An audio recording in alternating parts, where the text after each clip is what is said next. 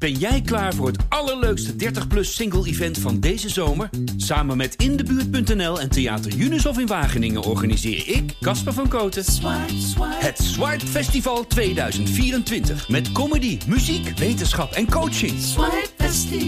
Maar vooral heel veel leuke mensen. Bestel nu je kaart op swipefestival.nl. Swipe, swipe. Ik hoor jou ergens zeggen dat je altijd al mensen wilde helpen. Dat klopt. Ja, hoe kwam je daar nou bij? Nou, ik denk dat het iets is wat ik mee heb genomen uit mijn uh, ervaringen in, in, mijn eerste levensjaren. Ja. Ik ben in Ethiopië geboren. Tijdens de oorlog tussen, de burgeroorlog tussen Ethiopië en Eritrea. Ja. Mijn ouders waren onderdeel van het verzet. Ik ben opgegroeid met gevaar, met oorlog, met oppressie, et cetera. En mijn ouders en hun ouders ook hebben zich altijd daartoe verzet. Publiekelijk of niet publiekelijk. Altijd met het idee, we moeten mensen emanciperen, we moeten mensen helpen, vooral de onderdrukte. Dus dat heb ik eigenlijk van huis uit meegekregen. Ik heb voor mij is het niet meer dan logisch om het werk wat je doet te doen om anderen te helpen. Ja. En help je nu mensen? Ehm, ja, Hallo, fijn dat je luistert naar Stuurloos, waarin we het hebben over hoe wij Nederlanders een beter bestuur kunnen krijgen. Mijn naam is Gustav Bessem, journalist en columnist. En in deze podcast van de Volkskrant ga ik te raden bij mensen die daarover ons denken verder kunnen helpen. Deze keer iemand die zegt dat wij als burgers met kunstmatige intelligentie meer grip op de overheid kunnen krijgen en een heleboel maatschappelijke problemen kunnen oplossen. En die daar nog begrijpelijk over kan praten ook. Senai Gebriab.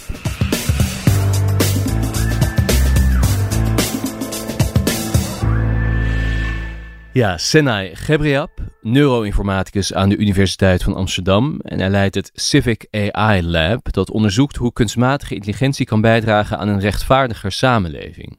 Nou, hij doet nog veel meer. Hij zit in de staatscommissie tegen discriminatie en racisme. Een thema waarop nogal wat is misgegaan binnen zijn vakgebied. Dus ik ben heel benieuwd waarom hij dan toch denkt dat we vooral niet alleen maar bang moeten zijn voor die algoritmen, maar juist de mogelijkheden moeten zien.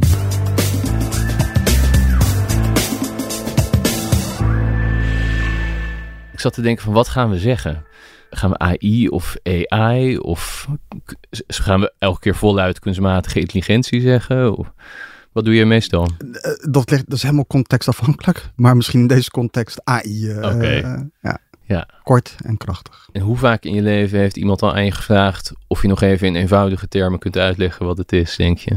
Nou, de afgelopen jaren echt ontzettend vaak. Ik begin bijna alle gesprekken tegenwoordig met wat AI is. En heb je inmiddels zin om te schreeuwen als iemand dat je vraagt? Of kan je het nog aan?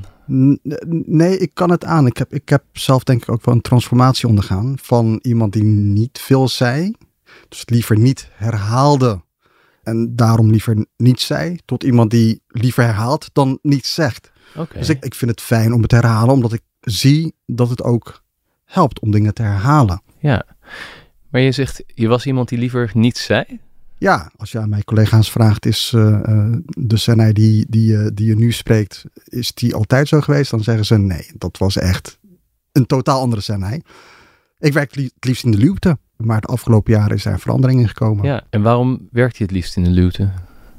Was dat verlegenheid? Of Deels verlegenheid, deels veiligheid, deels ook omdat ik heel erg gefocust ben op, vooral was, eh, op, op nieuwe dingen bedenken. Dus niet elke keer terug en dan herhalen en dan Ah, ja. uitleggen, maar vooruitkijken, het nieuwe exploreren. je vond het uitleggen eigenlijk ook een hinderlijke onderbreking van je onderzoek en je verkenning? Ja, ja, Ja. nu denk ik daar anders over. Ook het uitleggen, dat brengt weer nieuwe inzichten met zich mee, maar eh, Ja. Tien jaar Je geleden... zei is ook veiligheid. Bedoelde je, bedoel je in sociaal opzicht, gewoon als persoon, of letterlijke veiligheid? Eh, in in eh, be- beide. Als ik het heb over transformatie, is het ene academische, meer ehm, eh, professionele transformatie. Aan de andere kant heb ik ook een persoonlijke en sociale transformatie.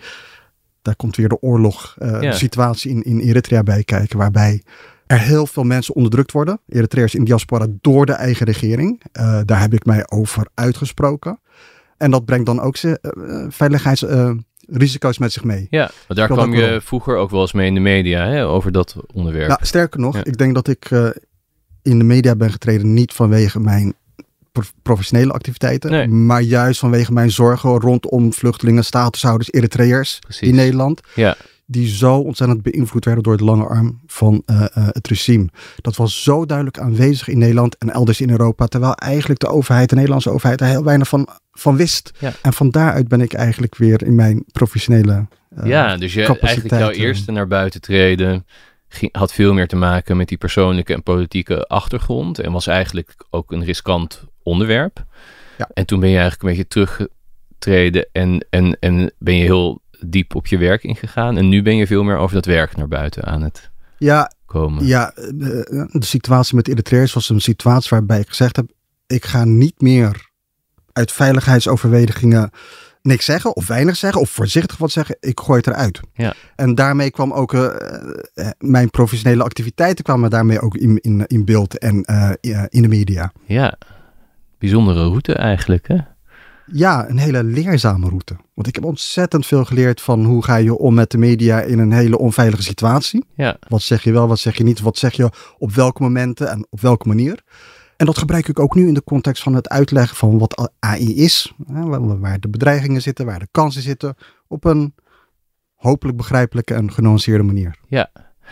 En, en waar zit het belang in dat je dat zo graag wil uitleggen over AI? Nou, we leven al in een uh, digitale samenleving, een digitale wereld. En dat gaat alleen maar toenemen. Er komt straks een algoritmische wereld. Waarin je echt wel in staat moet zijn om te lezen, om te zien, om tussen de regels door te lezen. Maar ook tussen de cijfers heen te lezen. Ik heb het vaak over digitale geletterdheid en digitale gecijferdheid. Er wordt ontzettend veel geschreven, maar er wordt ook ontzettend veel gemeten met sensoren. Signalen uh, die om worden gezet naar waardes die dan weer input zijn voor AI-systemen om uit te leren. Dat vergt een bepaalde mate van algoritmisch denken, numerisch denken. Dus dat, dat is ontzettend belangrijk om straks niet in een samenleving te komen waarin je weer groepen hebt die helemaal uitgesloten zijn omdat ze algoritmisch niet mee kunnen komen. Het hoort bij een soort basale geletterdheid van burgers nu om hier iets van te snappen en een beetje te merken waar ze ermee in aanraking komen en, en dat enigszins te doorgronden. Ja. Hoe, gewoon een gemiddeld persoon, kun jij schetsen in hoeverre die gewoon dagelijks met uh, AI in aanraking komt? van het moment dat je opstaat, uh, omdat je wekker afgaat, uh, naar je werk toe gaat of naar de universiteit toe gaat of waar dan ook. En je gebruikt je Google app, uh, je TomTom. je bent vanaf het opstaan tot het naar bed gaan, ben je bezig met AI. Zelf, de tools die je in je telefoon hebt, maar ook banken die beslissingen voor je maken. Ziekenhuizen die op basis van data en AI uh, uh, voorspellingen doen of beslissingen voor je maken. De overheid die je op basis van bepaalde acties, uh, verdachtmakingen benadert. Je kan bijna niet om AI heen. Het ja. is er soms zichtbaar, maar vaak ook onzichtbaar aanwezig in je dagelijks leven. Ja, en wat zijn belangrijke blinde vlekken? Waar is het heel belangrijk wat mensen eigenlijk niet zo erg doorhebben? Ik denk dat dat waar heel veel nu wel wordt over gepraat, is het idee dat AI iets technologisch is en daarom dus neutraal is en objectief is. Um, dat is. Dat is nu steeds meer bekend bij de gemiddelde burger dat dat niet het geval is. Um, maar er is nog een hoop uh, te winnen. Ja, die bekendheid komt denk ik ook door uh, ja, een aantal bekende zaken waarin het een rol heeft gespeeld. Hè. Het bekendste is misschien het toeslagenschandaal, waarbij de Belastingdienst gebruik maakte van systemen om bepaalde groepen meer en andere minder op fraude te controleren en aan te pakken. Uh, waarbij bijvoorbeeld mensen met een tweede nationaliteit of een buitenlandse achternaam of dat soort dingen uh, ja, er sneller uit werden gevist. In Rotterdam is volgens mij een zaak geweest die erg bekend is. was ook, fraude, ja, was ook fraude aanpak. Hè? Ja. Daar ging het volgens mij in bepaalde wijken. Ja, daar werden vooral de, de, de armere wijken waar veel migranten wonen, werden uitgelicht voor fraudeopsporing. ja, dus dit zijn een soort uitwassen uh, waarbij je nou ja, heel duidelijk ziet dat het niet neutraal is. Omdat de ene groep er veel meer last van krijgt ja. uh, dan de andere. En er een, on, ja, een onrechtvaardige uitkomst eigenlijk is. En het zijn dit soort uitwassen geweest die inderdaad veel meer aandacht brachten op uh, AI. De toepassingen van AI. Het gebruik van AI door bedrijven, overheid, etc. Maar het zijn jammer genoeg ook voorbeelden geweest die AI in een negatief daglicht brengen. En uh, nou, komen we misschien zo meteen wel op. Dat is jammer. En dat is denk ik het vervolgpunt. Hè. Naast het neutraal het niet neutraal zijn, is, een, is toch een belangrijk boodschap. Ook die ik graag wil overbrengen dat met AI kun je ook iets goeds doen. Hè? AI is in zekere zin een reflectie van de organisatie waarin het toegepast wordt of de samenleving waarin het toegepast wordt. En dat geeft op twee manieren kansen. Namelijk het, het legt bloot hoe onze samenleving in elkaar zit. Het is een spiegel. En je mag het dan niet fijn vinden wat je in de spiegel ziet, maar het is wel een spiegel. En tegelijkertijd, als het iets bloot legt, kun je ook nog eens de stap maken naar het oppakken, het aanpakken van de problemen. Die, je, die je ziet in de maatschappij, in uh, organisaties. Het, niet neutraal zijn kan beide kanten op werken. Dat kan ook ten goede. Laten we dan inderdaad zo over, over hoe dat ten goede uh, kan keren het hebben. Maar als je bijvoorbeeld deze voorbeelden neemt waarbij je zegt... Je zegt eigenlijk het houdt ons een spiegel voor. Wat, wat spiegelde AI in deze gevallen dan?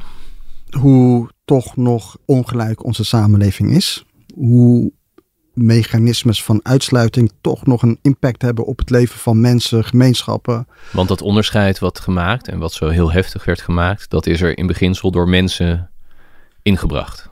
Ja, vaak gebeurt het onbewust. Hè? Je, je bent niet bezig om mensen uit te sluiten. Je gaat niet algoritmes ontwikkelen of toepassen met het idee die en die. Maar in een aantal gevallen is dat wel zo. Neem de toeslagenaffaire. Daar zie je best duidelijk de vertaalslag van we moeten toch ons richten op burgers met een tweede nationaliteit. En dat wordt dan expliciet geformuleerd als een attribuut in het systeem. Dat geeft aan, zonder algoritme zou je dit misschien niet makkelijk te weten komen. Nu zit het daar in het systeem, zie je welke attributen AI-systemen van de overheid gebruiken. En dat maakt het expliciet dat hierover na is, na is gedacht. Dat hier een bepaalde intentie achter zat. Het wordt wel niet zo benoemd, maar als je terugkijkt naar alle beslissingen, naar alle uitspraken, naar wat er daadwerkelijk is gedaan in het verleden, zie je toch dat daar een, een, eh, ja, een bepaalde intentie achter zat. Dit heeft het ook onthuld, zeg je eigenlijk. Want, want je had net zo goed kunnen hebben dat het niet geautomatiseerd gebeurde. En dat er een groepje mensen achter een bureau, uh, bij wijze van spreken, met papieren voor zich zat, uh, met namen en nationaliteiten. En dan hadden ze het waarschijnlijk ook gedaan, denk jij, maar dan hadden we dat niet zo duidelijk gezien. Dat klopt. Dus dat is wat ik zeg met het blootleggen van dynamieken in de samenleving, in de organisatie, die misschien wel altijd aanwezig zijn geweest. Maar omdat nu met behulp van AI data wordt gecollecteerd, attributen, elementen, kenmerken uit de data worden uitgelicht om een bepaalde doel te bereiken, ben je eigenlijk heel erg expliciet aan het maken wat de onderliggende intenties zijn of het onderbuikgevoel is in een organisatie, in de samenleving. En dat is, dat is positief. Hoewel de uitwerking ervan voor grote groepen mensen negatief is. Ja, ja en die uitwerking is, maar verbeter me als dat niet waar is, wel heftiger dan wanneer die mensen papieren achter hun bureau zouden zitten te scoren met een pennetje, omdat het effect zoveel sterker is. Het is zo efficiënt. Bovendien leren die systemen zelf bij. Dus die hebben door op een gegeven moment van hé, hey, als wij iets te pakken hebben, een bepaalde wijk, een, een nationaliteit, dan gaan we daar ja, ik zeg nu we alsof dat een soort denkende mannetjes zijn, maar je begrijpt wat ik bedoel, dan, dan eh, versterkt zo'n systeem het effect wel enorm, niet?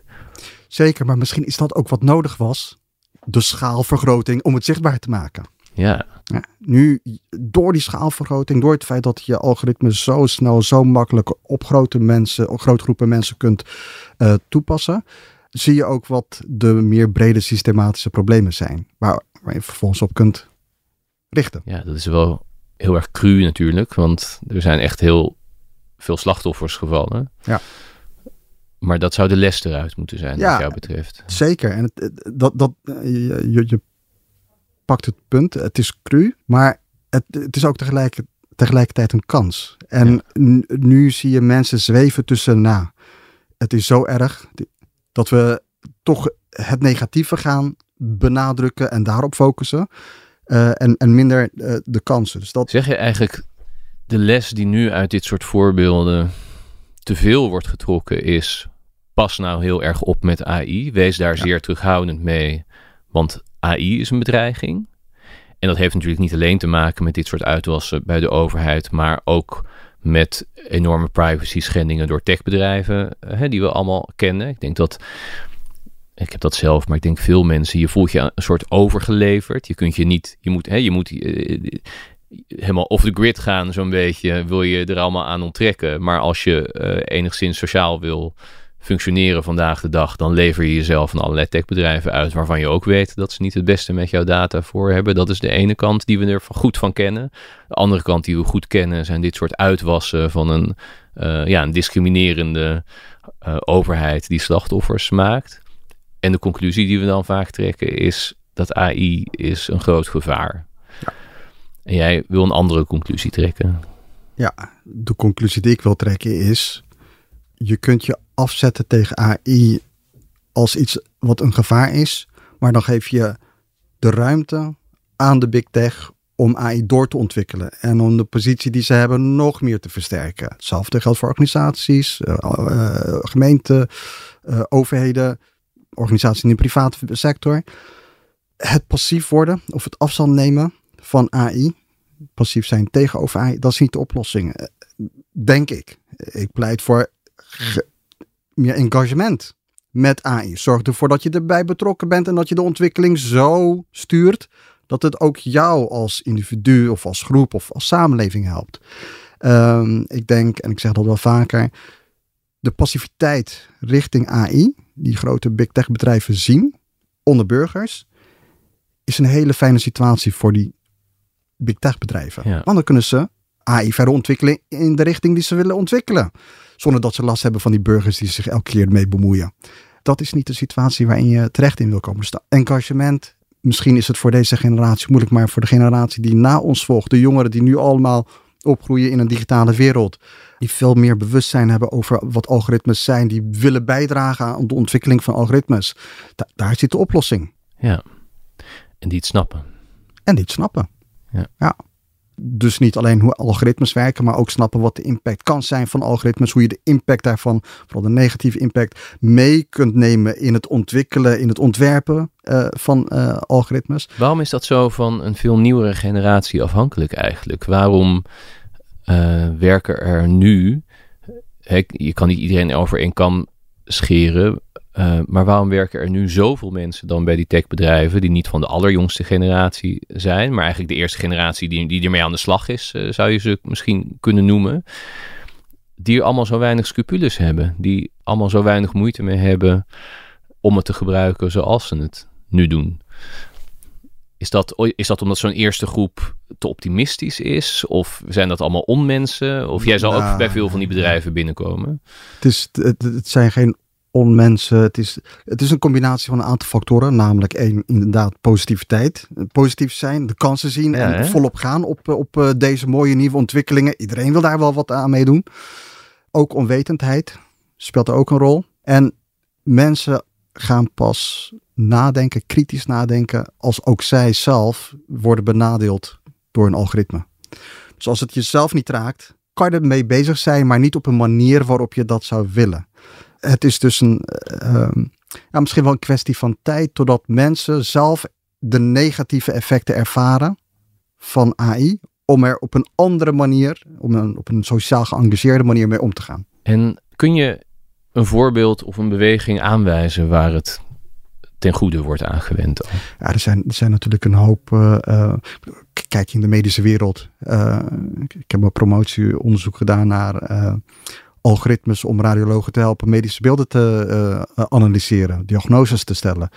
Dat is in 20 jaar tijd is het echt enorm veranderd. Uh, in, positieve zin. Waarbij algoritmes eh, naast uh, radiologen staan, radiologen helpen, efficiënter, effectiever algoritmes of diagnoses te maken maar ook in het sociaal domein. Kun je het ietsje uitwerken? Je zegt naast radiologen staan. Dus het klassieke beeld lijkt mij, er is een scan gemaakt of een foto. Radioloog kijkt daar heel goed naar om te zien wat hij ziet. En inderdaad, uh, meestal dan weer een andere arts door te geven van nou, dit hebben we ontdekt. Wat is daar gebeurd? Wat is daar verbeterd? Nou, er zijn twee richtingen. Eén, Een radioloog gebruikt een AI-algoritme als een second opinion, Mhm. als hij twijfelt. Het kan ook zo zijn dat een AI-systeem zelf alle diagnoses stelt. En daar waar er onzekerheden zijn, de radioloog de eindbeslissing laat maken. Ah, ja. Ja, en dat, dat, versnelt, verbetert het hele proces van eh, eh, diagnoses eh, stellen. ja, en in welke en hoe ge- gebeurt het nu? Gebeurt een van die twee opties? Jazeker. Ja. Dat is, Ook die tweede al. Dus de diagnose wordt gewoon gesteld en de radioloog komt alleen maar kijken als het systeem een seintje geeft. In de praktijk Hm? vaak wel.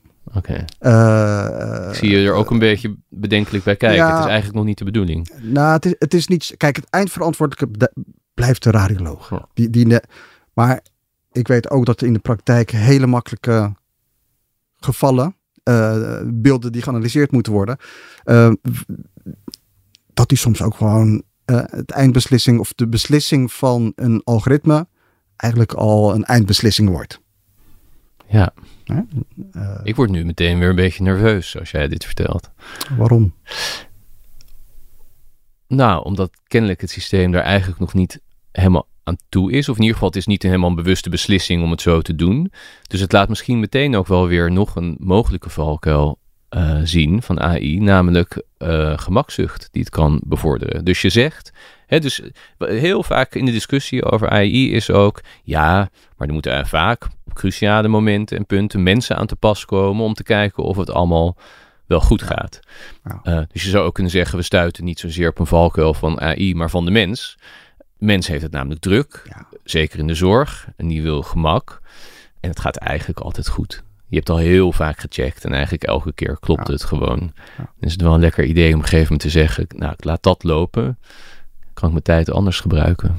Nou, ik, ik, eh, ehm, ik- denk zelfs dat in de praktijk dit niet alleen bij in het ziekenhuis bij radiologen, maar op heel We, veel we, we, plekken zullen- we zeggen niet alleen radiologen shamen, maar, Ja.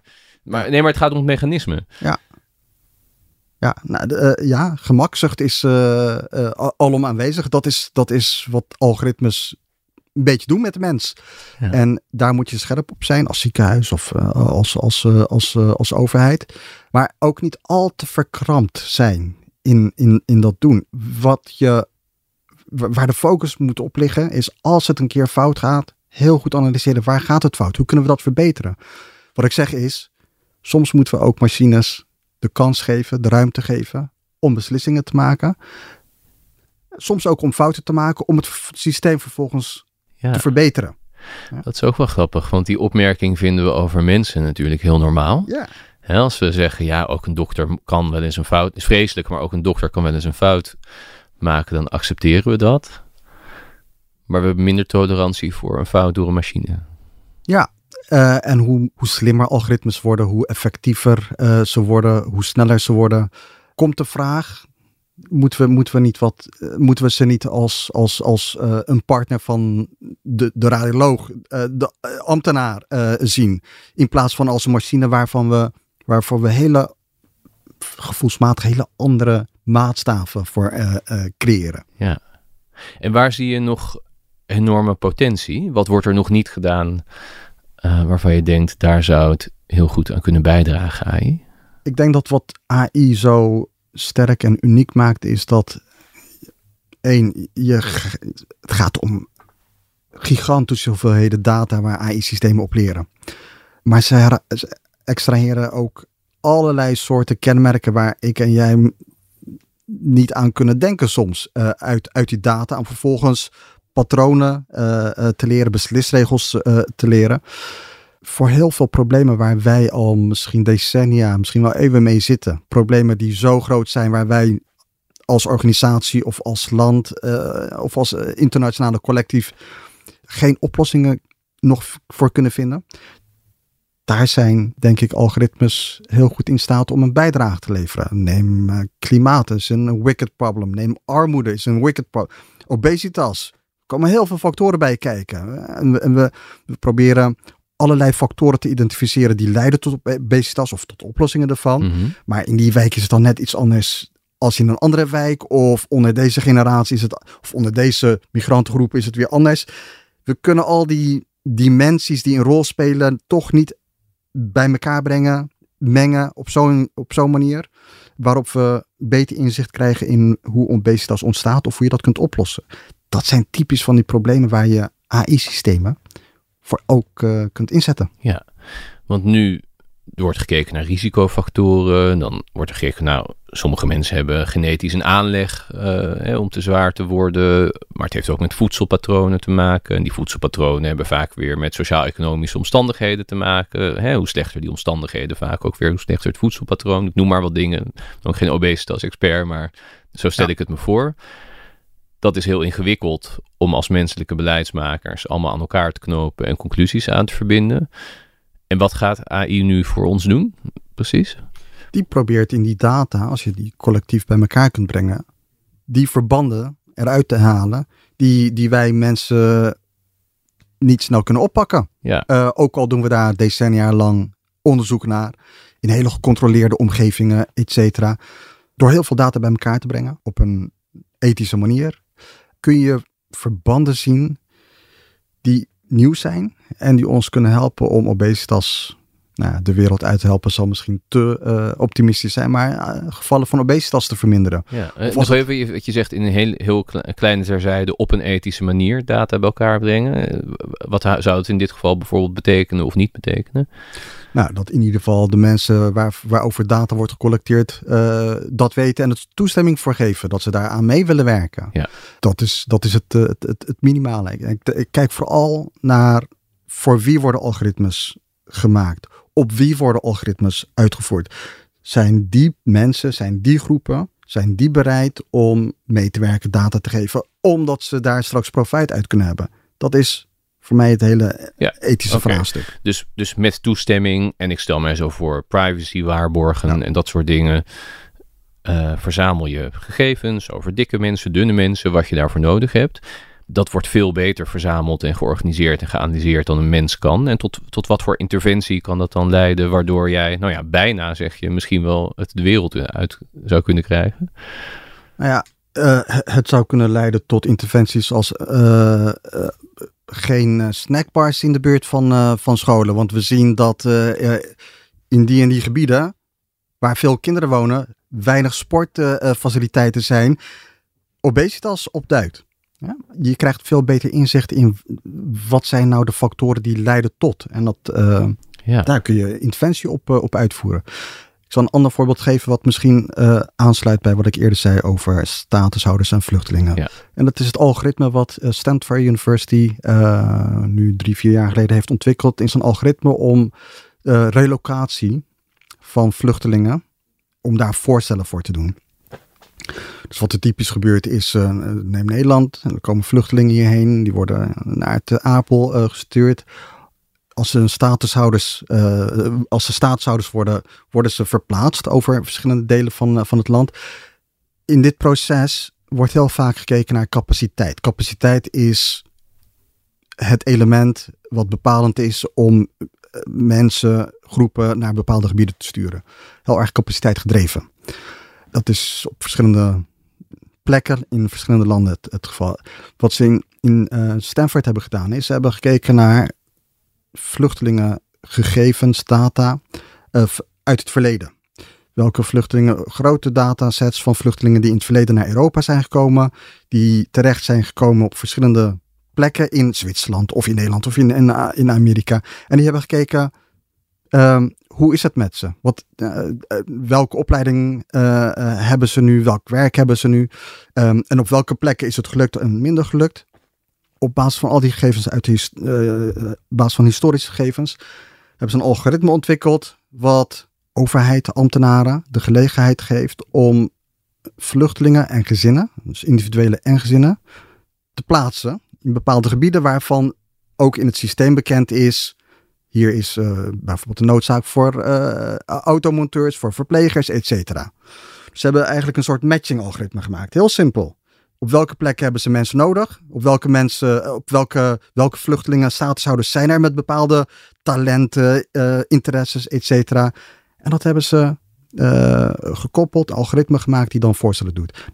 Ze hebben laten zien dat ze, als ze het algoritme in Amerika zouden ge gebruiken, zouden ze, zou het geloof ik tot 40% meer statushouders leiden die dan het werkveld ingaan of onderwijs genieten. Omdat je dan weet, deze persoon kan zich het beste daar vestigen om goede kans van slagen te hebben. Ja.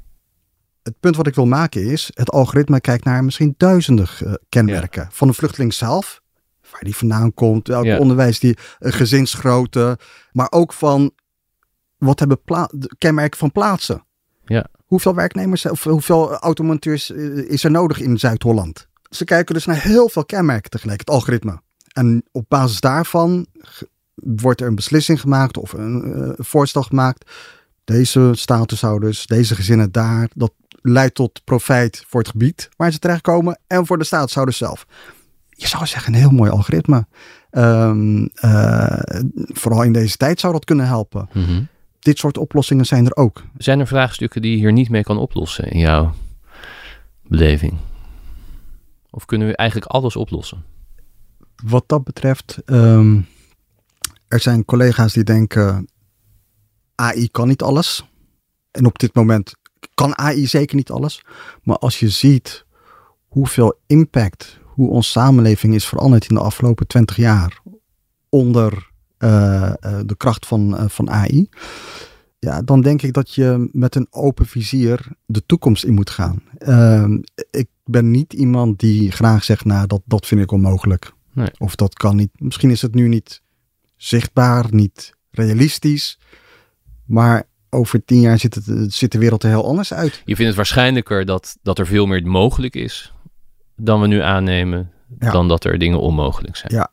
Ja, en het denken in onmogelijkheden, daar zit ook een beetje een gevaar in. Want?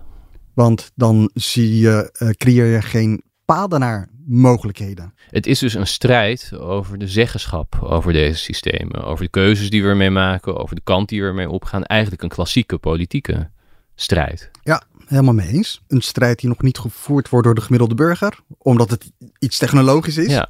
Maar dat is dus waarom eigenaarschap in deze zo belangrijk is. Ja. Als je toekomst vorm wilt geven, moet je ook in, in, in deze strijd uh, meedoen.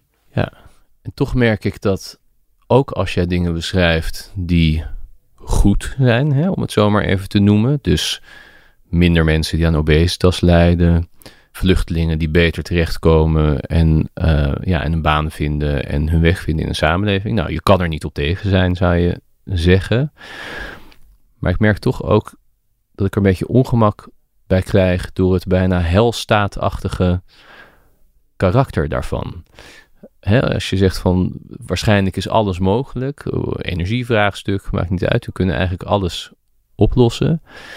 En dat komt denk ik omdat bijna alles wat mensen hebben bedacht, ook met de beste Intenties en met de mooiste wereldbeelden voor ogen, altijd heeft geleid tot onbedoelde consequenties. Op zijn minst. Hè? Dus, dus, je, dus laten we zeggen dat iemand die zoiets goeds wil, die krijgt zeggenschap over dat systeem en die kan het uitvoeren. Maar zelfs zonder AI gebeuren dan ook altijd dingen die je niet voorziet, die toch het effect zijn van jouw keuze of van jouw beleid. En we weten dat bij AI, en daar hadden we het in het begin al even over, die consequenties vaak een soort van on steroids uh, ja. zijn. Het gaat allemaal sneller, sneller, harder en op grotere schaal. En dat maakt dat ik toch ook bij die mooie dingen die hij schetst, een beetje mijn hart vasthouden. Ja, dat zijn, er zijn twee dingen. Eén, ik, ik maak heel graag het onderscheid tussen punitive toepassingen en assistive toepassingen. Hoe, hoe vertalen we dat? Straffend en helpend? Straffend en, en, en helpend, ondersteunend. Ja. Ik denk dat je als je bezig bent met het ontwikkelen van AI-systemen, met het idee om mensen te ondersteunen, te helpen, of het sociaal is, of politiek, of cultureel, of, maakt niet uit. Dan, dan, dan mag je wat opener zijn in nadenken en werken aan AI. Waar het nu heel vaak misgaat, is bij het, het punitive gedeelte, het bestraffend, het opjagen van mensen, het uh, uh, fraudeopsporing. Uh, dat is een heel erg top-down perspectief. Van er zijn groepen, er zijn mensen, er zijn situaties waar dingen fout kunnen gaan. Laten we AI daarop inzetten dat is iets waar je heel voorzichtig in uh, moet opereren. Daar zijn checks en balances voor nodig. Daar is uh, samenwerking voor nodig. Um, tussen wetenschap, overheid, bedrijven, etc. Dat is iets waar je heel voorzichtig moet doen. Daar zit de, de grote zorg van mij ook nu. Ja. Bij dat andere heb ik minder zorgen. Dat betekent niet dat het niet fout kan gaan. Nee. Ook daar kunnen onbedoelde consequenties eh, ontstaan. Maar dat is nou juist de ruimte die je wel een beetje moet opzoeken. Het gaat een keer fout. Alles, je, wij, wij leren van fouten. Wij komen vooruit omdat we leren van fouten. Dat moet je daar ook doen. En als je ziet dat er onbedoelde consequenties ontstaan, daar moet je op acteren. Ja, en de vraag is misschien ook van wat gaat aan wat vooraf.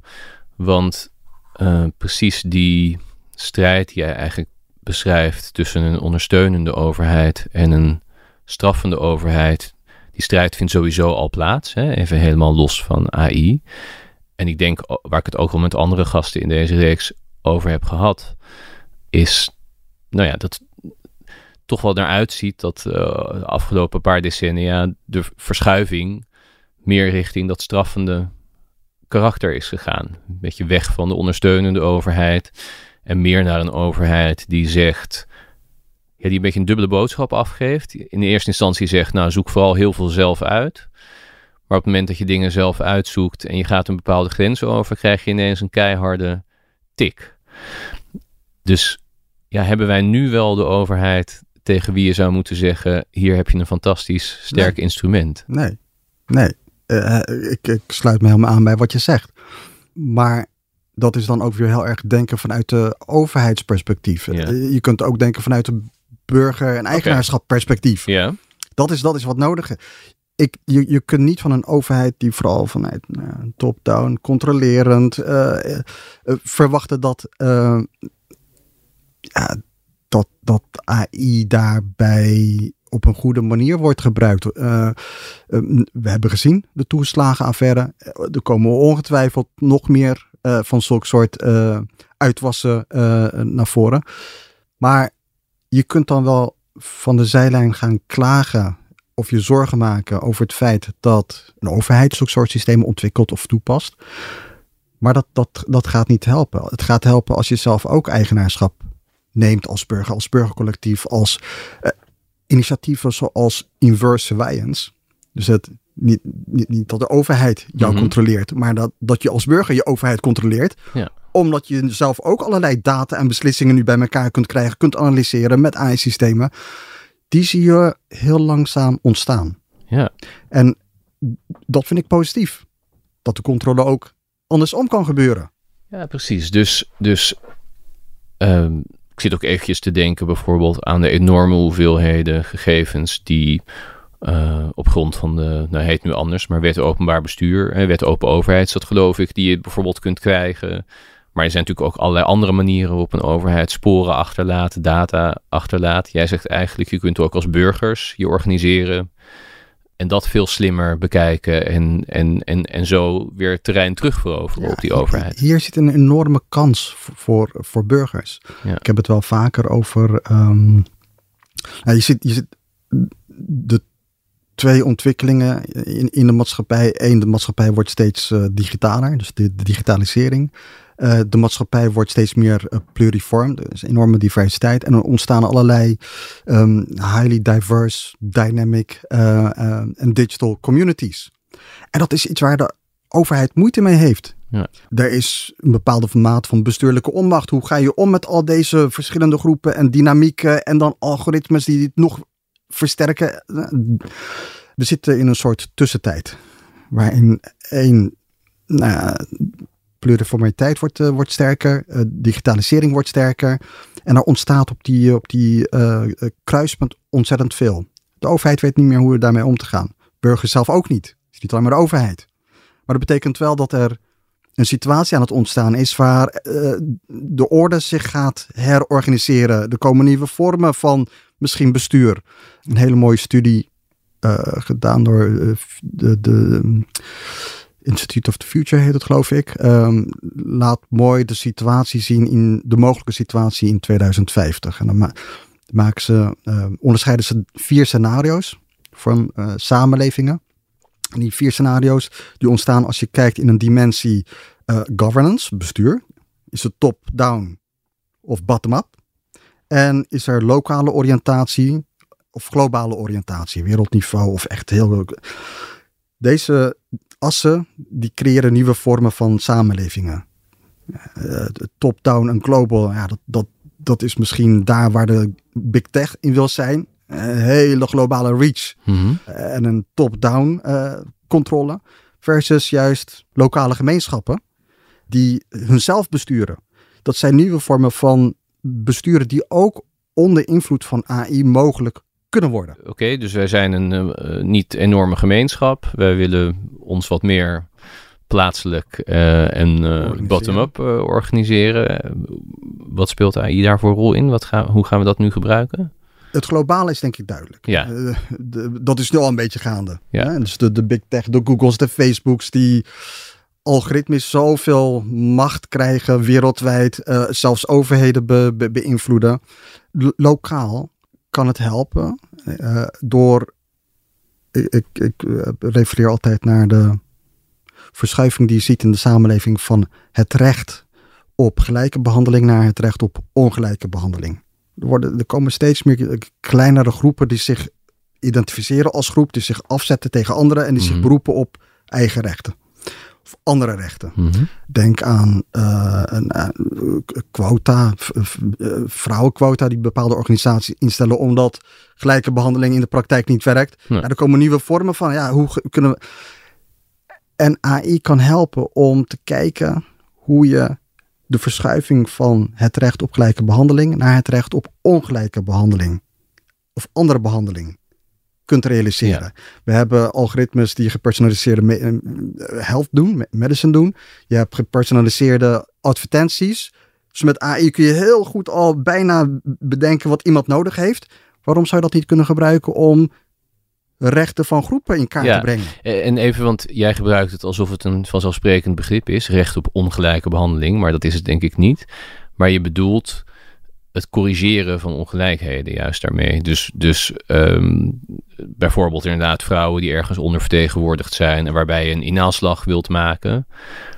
Eh, ik denk dat andere mensen de term positieve discriminatie zouden gebruiken. Die termen worden wel eens gebruikt. In het Engels vind ik het onderscheid tussen equality en equity. Ja, Vind ik mooi. Ja. Equity is nou, die mensen die iets extra's nodig hebben, toch iets meer geven Ja. om ze uiteindelijk te brengen in een situatie waarin gelijke kansen ontstaan.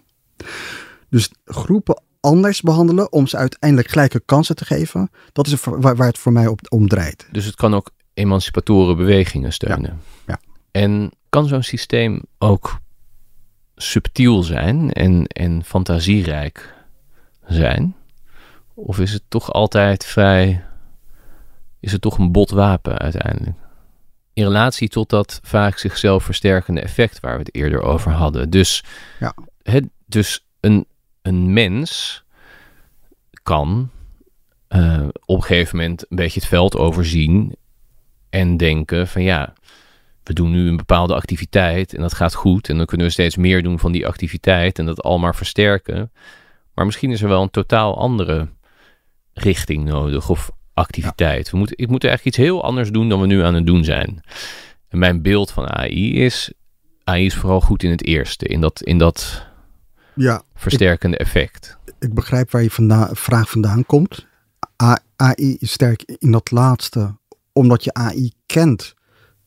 Eh, de gemiddelde burger. Ja. Laten we zeggen de echo chambers die, eh, die, Google, de Facebooks, et cetera creëren. Ja. Ja, daar zit een business model achter. Die willen juist een versterkend element hebben. Ja. Dat betekent niet dat je systemen kunt creëren die juist je uit je bubbel halen. En je in een nieuwe richting brengen. In richting waar je zelf niet aan had gedacht, maar dat wel aansluit. Omdat het systeem ook wel verbanden ziet die jij misschien impliciet maakt. Of, of eh, die in de lijn van, van jouw denken of streven of wensen zitten. Ook dat is mogelijk. Dit zou een in, een, in de huidige maatschappelijke context zou dit een extreem belangrijke functie kunnen zijn. Hè? Want we zien allemaal het ontwrichtende effect eh, van die echokamers, van desinformatie. En we zien inderdaad dat YouTube bijvoorbeeld eh, in, in zijn business model heeft zitten. Dat als je eenmaal op een spoor bijvoorbeeld van complotvideo's of haatvideo's zit, nou dan krijg je daar al maar meer van aangeboden. Vrij snel ook. Daar zit je heel snel diep in een tunnel.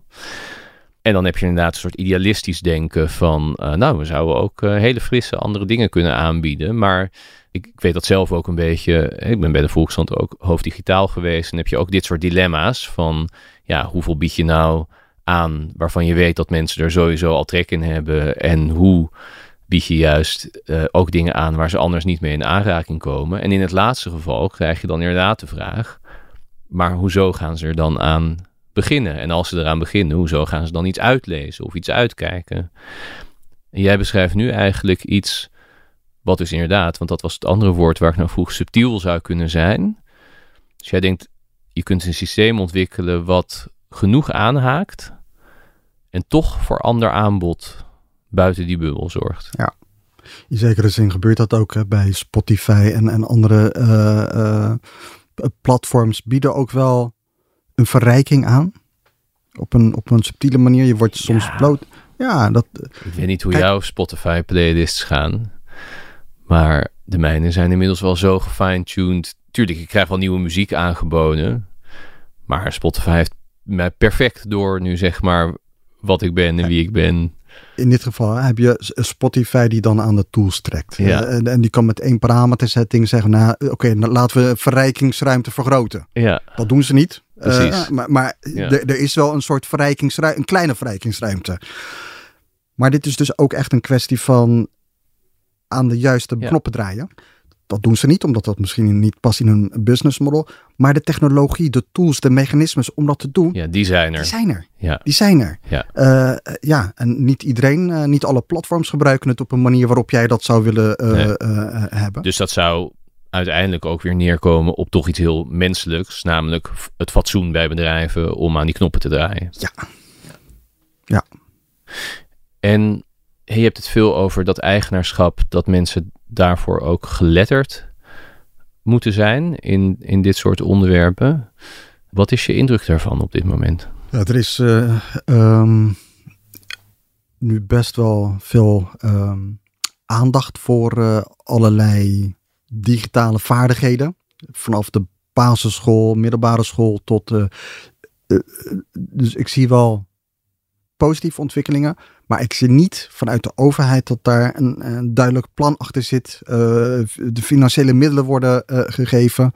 Ik zie dat universiteiten best veel eraan doen Mhm. om het curriculum te verrijken, ook met Ja, de digitale Ook bij studies die daar niet expliciet over gaan. Ja. Eh, hè, dus dat Ja. je niet informatica studeert of zo, Ja. maar bij andere studies. Ja, je ziet, je ziet eh, nou, eh, vakken als programmeren, vakken als eh, eh, machine learning. Zie je bij de juridische faculteit, eh, wordt dat in, in het curriculum gezet. Zit het eh, hier en daar op middelbare scholen ook echt in het curriculum eh, komen. Dus dat is dat, je ziet dat de urgentie om hier meer in te doen in het curriculum, dat zie je ontstaan. Maar dan vanuit de organisatie Ja. zelf en niet vanuit de overheid. En het, zou, het, zou, nou, het zou de overheid zeren om, om hier veel meer werk van, eh, van te Ja. maken. Werken bij de overheid zelf genoeg mensen die er wat van snappen? Steeds meer, maar niet, eh, Nee. niet van. Was, eh, ik heb het daar, een eerdere gast in deze reeks was Bert Hubert, een, een techneut die veel voor de overheid heeft gedaan en nog wel doet. Die signaleerde eigenlijk het ja, probleem dat bij de overheid zo weinig mensen weten die dit zelf snappen, dat ze eigenlijk heel veel uitbesteden Ja. aan bedrijven. Eh, nou, het is niet heel lang geleden volgens mij nog een rekenkameronderzoek geweest. eh, waarbij ze dus bij een paar ministeries gingen prikken van wat, wat draait er eigenlijk aan systemen en, en eh, wat wordt daarvan gecheckt. Hè? We hadden het in het begin even over de mens die af en toe kijkt of het nog loopt zoals het moet lopen. Nou, de term black box viel her en der. Mensen hadden geen flauw idee eh, wat er zat in het systeem, wat ze hadden aangekocht, wat het nou eigenlijk precies deed en waar het toe kon leiden. Nou ja, daar is Ja. nog iets te winnen, zou je zeggen. Daar is nog eh, een hoop eh, in te vinden. Maar ik, ik wil het ook wel breder te trekken dan Ja. alleen de, de opleiding van, van ambtenaren of van, Mhm. van, van anderen in AI. Ehm, er is wereldwijd nu ontzettend veel focus on eh, fact AI. Dat is fair, accountable, transparent, explainable AI. Dus uitleg, het moet uitlegbaar Ja. zijn. Dus focus op uitlegbaarheid, transparantie, eh, verant- eh, ver- verantwoording ehm, en, en, en eerlijkheid. Ja. Daar wordt ontzettend veel onderzoek naar gedaan. Maar uiteindelijk, uiteindelijk heb je voor fact AI heb je fact humans nodig. Mensen die transparant zijn, eerlijk zijn, verantwoording nemen, van, uh, afleggen voor, voor hun daan.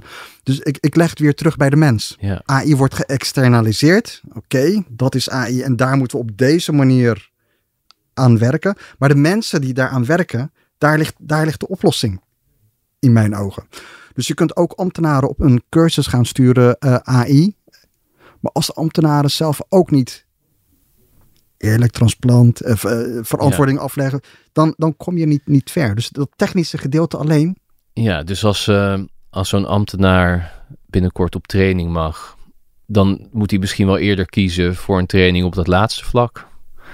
Om dit goed, hè, om dit goed te besturen dan op een, dan een technische training waar ze uitleggen uh, hoe coderen of een algoritme zo'n beetje in elkaar zit. Het is niet misschien een is niet de oplossing die mensen verwachten. Oh, stuur ze op een cursus en ze komen terug met uh, kennis en kunde. En uh, het, het, het, gaat, het gaat niet om het systeem, het gaat om de mens, de organisatie. Nemen die verantwoordelijkheid. Uh, zijn die divers genoeg, eerlijk genoeg, et cetera? We hebben het heel veel over jouw beeld van die systemen. wat is eigenlijk jouw beeld van de mens? Heb je daar een soort basisvertrouwen in? Ik denk dat mijn kijk op, uh, op AI mede is beïnvloed, of voor een groot deel is beïnvloed ook door mijn kijk op, uh, uh, op mensen. Mijn, mijn ervaringen met mensen, met systemen, politieke systemen, sociale systemen. Ik ben in, in de basis, in de kern ben ik een, ben ik een heel positief mens. Maar ik zie ook dat er gewoon ontzettend veel misgaat. Er is ontzettend veel oneerlijkheid. Er is, eh, wat, wat ik aan het begin al noemde, er is heel veel onderdrukking. En ik probeer naar systemen te kijken en ik probeer naar AI-systemen te kijken en ik probeer AI-systemen te ontwikkelen vanuit het perspectief van de onderdrukte. Dat geeft weer een hele andere ja, kijk. Dat snap ik, maar ik snap eigenlijk niet waarom je in de grond een positief mens bent. Want je beschreef in het begin je ervaringen met geweld, met vluchten, met een overheid met een lange arm die mensen er nog onder probeert te houden. Dat zijn niet echt de ingrediënten voor een positieve grondhouding, eh, zou je kunnen zeggen. Ik ben positief in de mens in de zin dat als ik kijk naar de individu, dat de individu in de kern een goed mens is. Maar collectief, ja. met name als er top-down, via social media of via de uh, tv, mensen continu worden gemanipuleerd, uh, voorzien van desinformatie, dan snap ik ook dat mensen meegaan hierin. En dit was ehm, al ver voor de techniek, hè? Dit was al ver voor de techniek. Dit is, wat, dit is wat mensen lijken te gaan doen zodra ze zich in groepen organiseren. Dan gaan ze vreedheden begaan. Ja, maar dan, dan gaat het om wie organiseert de groepen. Ja. In, daar, in, in die leiderschap, daar zit, daar zit heel veel. En als ik het heb over leiderschap, kan het zijn een, een politieke leider. Maar het kan ook een, uh, een techbedrijf zijn. Ja. Um, in, daar zit voor mij de, de, de, de crux. Ja. Als het daar mis zit, ja, dan, dan is de kans groot dat de groep zich gaat gedragen naar de leider op een negatieve manier. Ja. En dat doorbreken, dat is, dat is denk ik de grote uitdaging uh, die we voor ons hebben. Hoe kunnen we onszelf emanciperen van een collectieve onderdrukking, of het nou algoritmisch is of niet algoritmisch is. Precies. Dus eigenlijk, er is een permanente strijd eigenlijk gewoon over wie het voor het zeggen heeft. En wie de boel organiseert, wie de organisatie in handen heeft, wie die groepen mensen aan zich bindt in die strijd is een nieuw instrument gekomen nu. Een nieuw, heel krachtig instrument. Dat is, dat ja, is AI. die zowel gevaren kent, hè, want het kan ook door hen uh, ingezet worden. Dat, dat is wat nu aan het gebeuren ja. is. Maar er is ook nog een andere kant. En als je die kant niet ziet... En jij staat aan de kant van de onderdrukte. Ik probeer wel vanuit de onderdrukte te denken en te, te, te kijken en te handelen, ja. Ja. Dus als jij die mooie mogelijkheden schetst voor de toekomst... dan is dat niet vanuit een soort tech-optimisme. Nee. We gaan volgende week beginnen met een Europees project. Uh, gehonoreerd. Uh, ben ik heel blij mee. Het heet Community. En het gaat over uh, hoe um, kun je technologie dichter brengen bij, bij de mens. En met name bij de onderdrukte. Want er zijn ontzettend veel, er gaat heel veel geld in op Europees niveau, nationaal niveau, in AI. Er wordt heel veel gesproken over human-centered AI, et cetera. Maar komt het terecht daar waar de onderdrukte of de gemarginaliseerde wat aan heeft? Vaak niet. En internationaal gaat dat ook Internationaal. Ja. Uh, Want dat is natuurlijk ook iets wat je ziet, hè, dat veel... Uh, ja, vaak is, vaak is de technologie in handen van regimes ja. uh, die onderdrukken. Ja. ja. Dus in dit, in dit geval gaan we technologie dichter brengen bij, bij de burger. En ook burgers meenemen, gemeenschappen meenemen in, in de ontwikkeling.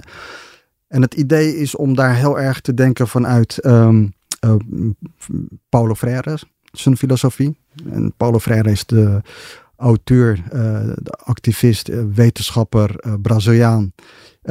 bekend geworden om zijn boek The Pedagogy of the Oppressed. Nou, dat boek heeft hij, weet ik veel, 50 jaar, 60 jaar geleden geschreven.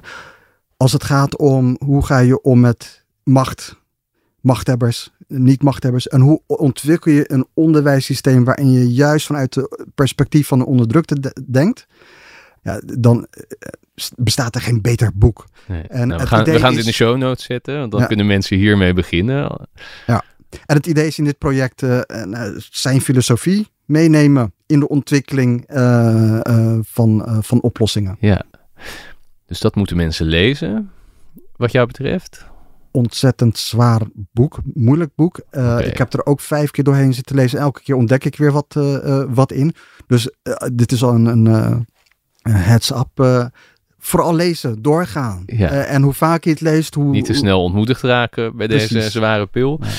En is er iets anders wat mensen zelf nog kunnen doen? Hè, als het dus gaat om dat uh, eigenaarschap over AI. Er gebeurt meer in het onderwijs. Maar ik denk toch dat heel veel mensen, mijzelf in kluis over, zich behoorlijk onthand voelen. Van waar begin ik nou? Als ik er nou iets meer van wil snappen. Wat, wat kan ik dan doen? Ja, er zijn steeds meer materialen nu beschikbaar voor uh, de burger online. Uh, een voorbeeld, de Nationale AI-cursus. Uh, over twee weken komt toevallig de... Die is er gewoon, de, Nationale AI-cursus. Ja. met een, die die, is precies wat hij zegt dat hij is. Ja, en dan heb je er één voor volwassenen en één voor kinderen. Hm. Nationale AI-cursus junior. er komt nu een Nationale AI-cursus met een focus op ethiek.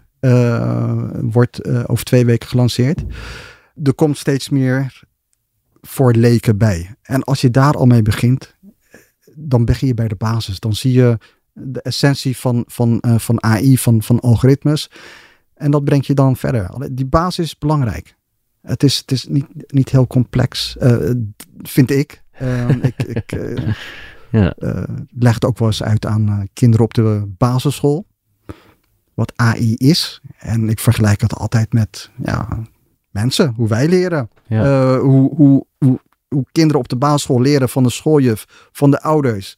Uh, dit is goed, dit is slecht, dit is een auto. Dus uh, heel vergelijkend, uh, vergelijkbaar met hoe AI-systemen leren. En dat maakt het allemaal een beetje losser. Dan denk je, oh, werkt het op deze manier? Dan? Nou ja, maar het gaat voor jou eigenlijk ook gewoon niet zozeer over techniek, merk je ook in dit gesprek. Jij bedoel wel, maar het gaat om leren. Ja. Dat is, het gaat om leren. Uh, of het nou machine learning is of human learning is. Het gaat om leren. Dat is het onderliggende gedeelte. Oké, en we hebben huiswerk meegekregen. Dankjewel voor dit gesprek. Geen dank. Dankjewel voor het luisteren naar Stuurloos, een podcast van de Volkskrant. Vond je de moeite waard? Deel deze podcast dan in je netwerk of op sociale media. Of geef ons een ontzettend hoge waardering in je app of een waanzinnige recensie.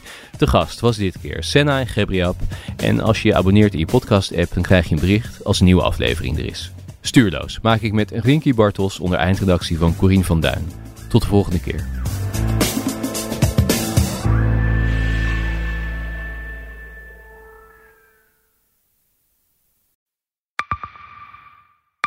Zijn leven is overhoop gegooid.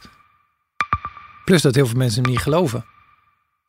Vrienden niet, die, die denken, ja, hij is gewoon gek geworden.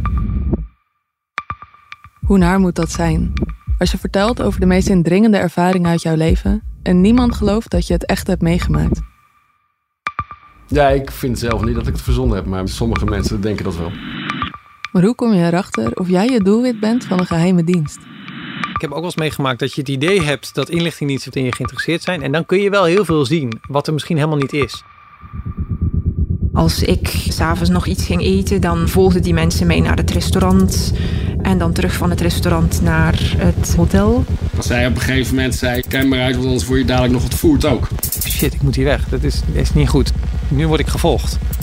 Een soort Truman Show is het gewoon. Hè? Alsof dat hele straatbeeld voor jou is ingericht. Maar dan wel met bedoeling jou, jou niet door te laten. Dit kan geen toeval zijn. Een nieuwe podcast van de Volkskrant. Mijn naam is Simone Eleveld en samen met Huid Modderkolk ontrafel ik een bizarre operatie van de geheime dienst. Wat het doel ook is, jij verliest het. Ik werd opgepakt, heel lang ondervraagd. Maar hoe krijg je grip in een wereld die zo onderzichtig is? Als je zou liegen, dan zou je niet de meest relevante informatie twee jaar later tussen neus en lippen doorvertellen. Er zal nooit iemand zeggen, oké Bart, ik geloof je. Nooit, nooit. Dit kan geen toeval zijn. Vanaf 3 oktober bij de Volkskrant. Ik weet niet of ik je ook alles kan vertellen. Het is echt te bizar. Wat? Ehm, ja. Ben jij klaar voor het allerleukste 30-plus single-event van deze zomer? Samen met Indebuurt.nl en Theater Junushof in Wageningen organiseer ik, Casper van Koten, het Swipe Festival 2024. Met comedy, muziek, wetenschap en coaching. Maar vooral heel veel leuke mensen. Bestel nu je kaart op swipefestival.nl. Swipe, swipe.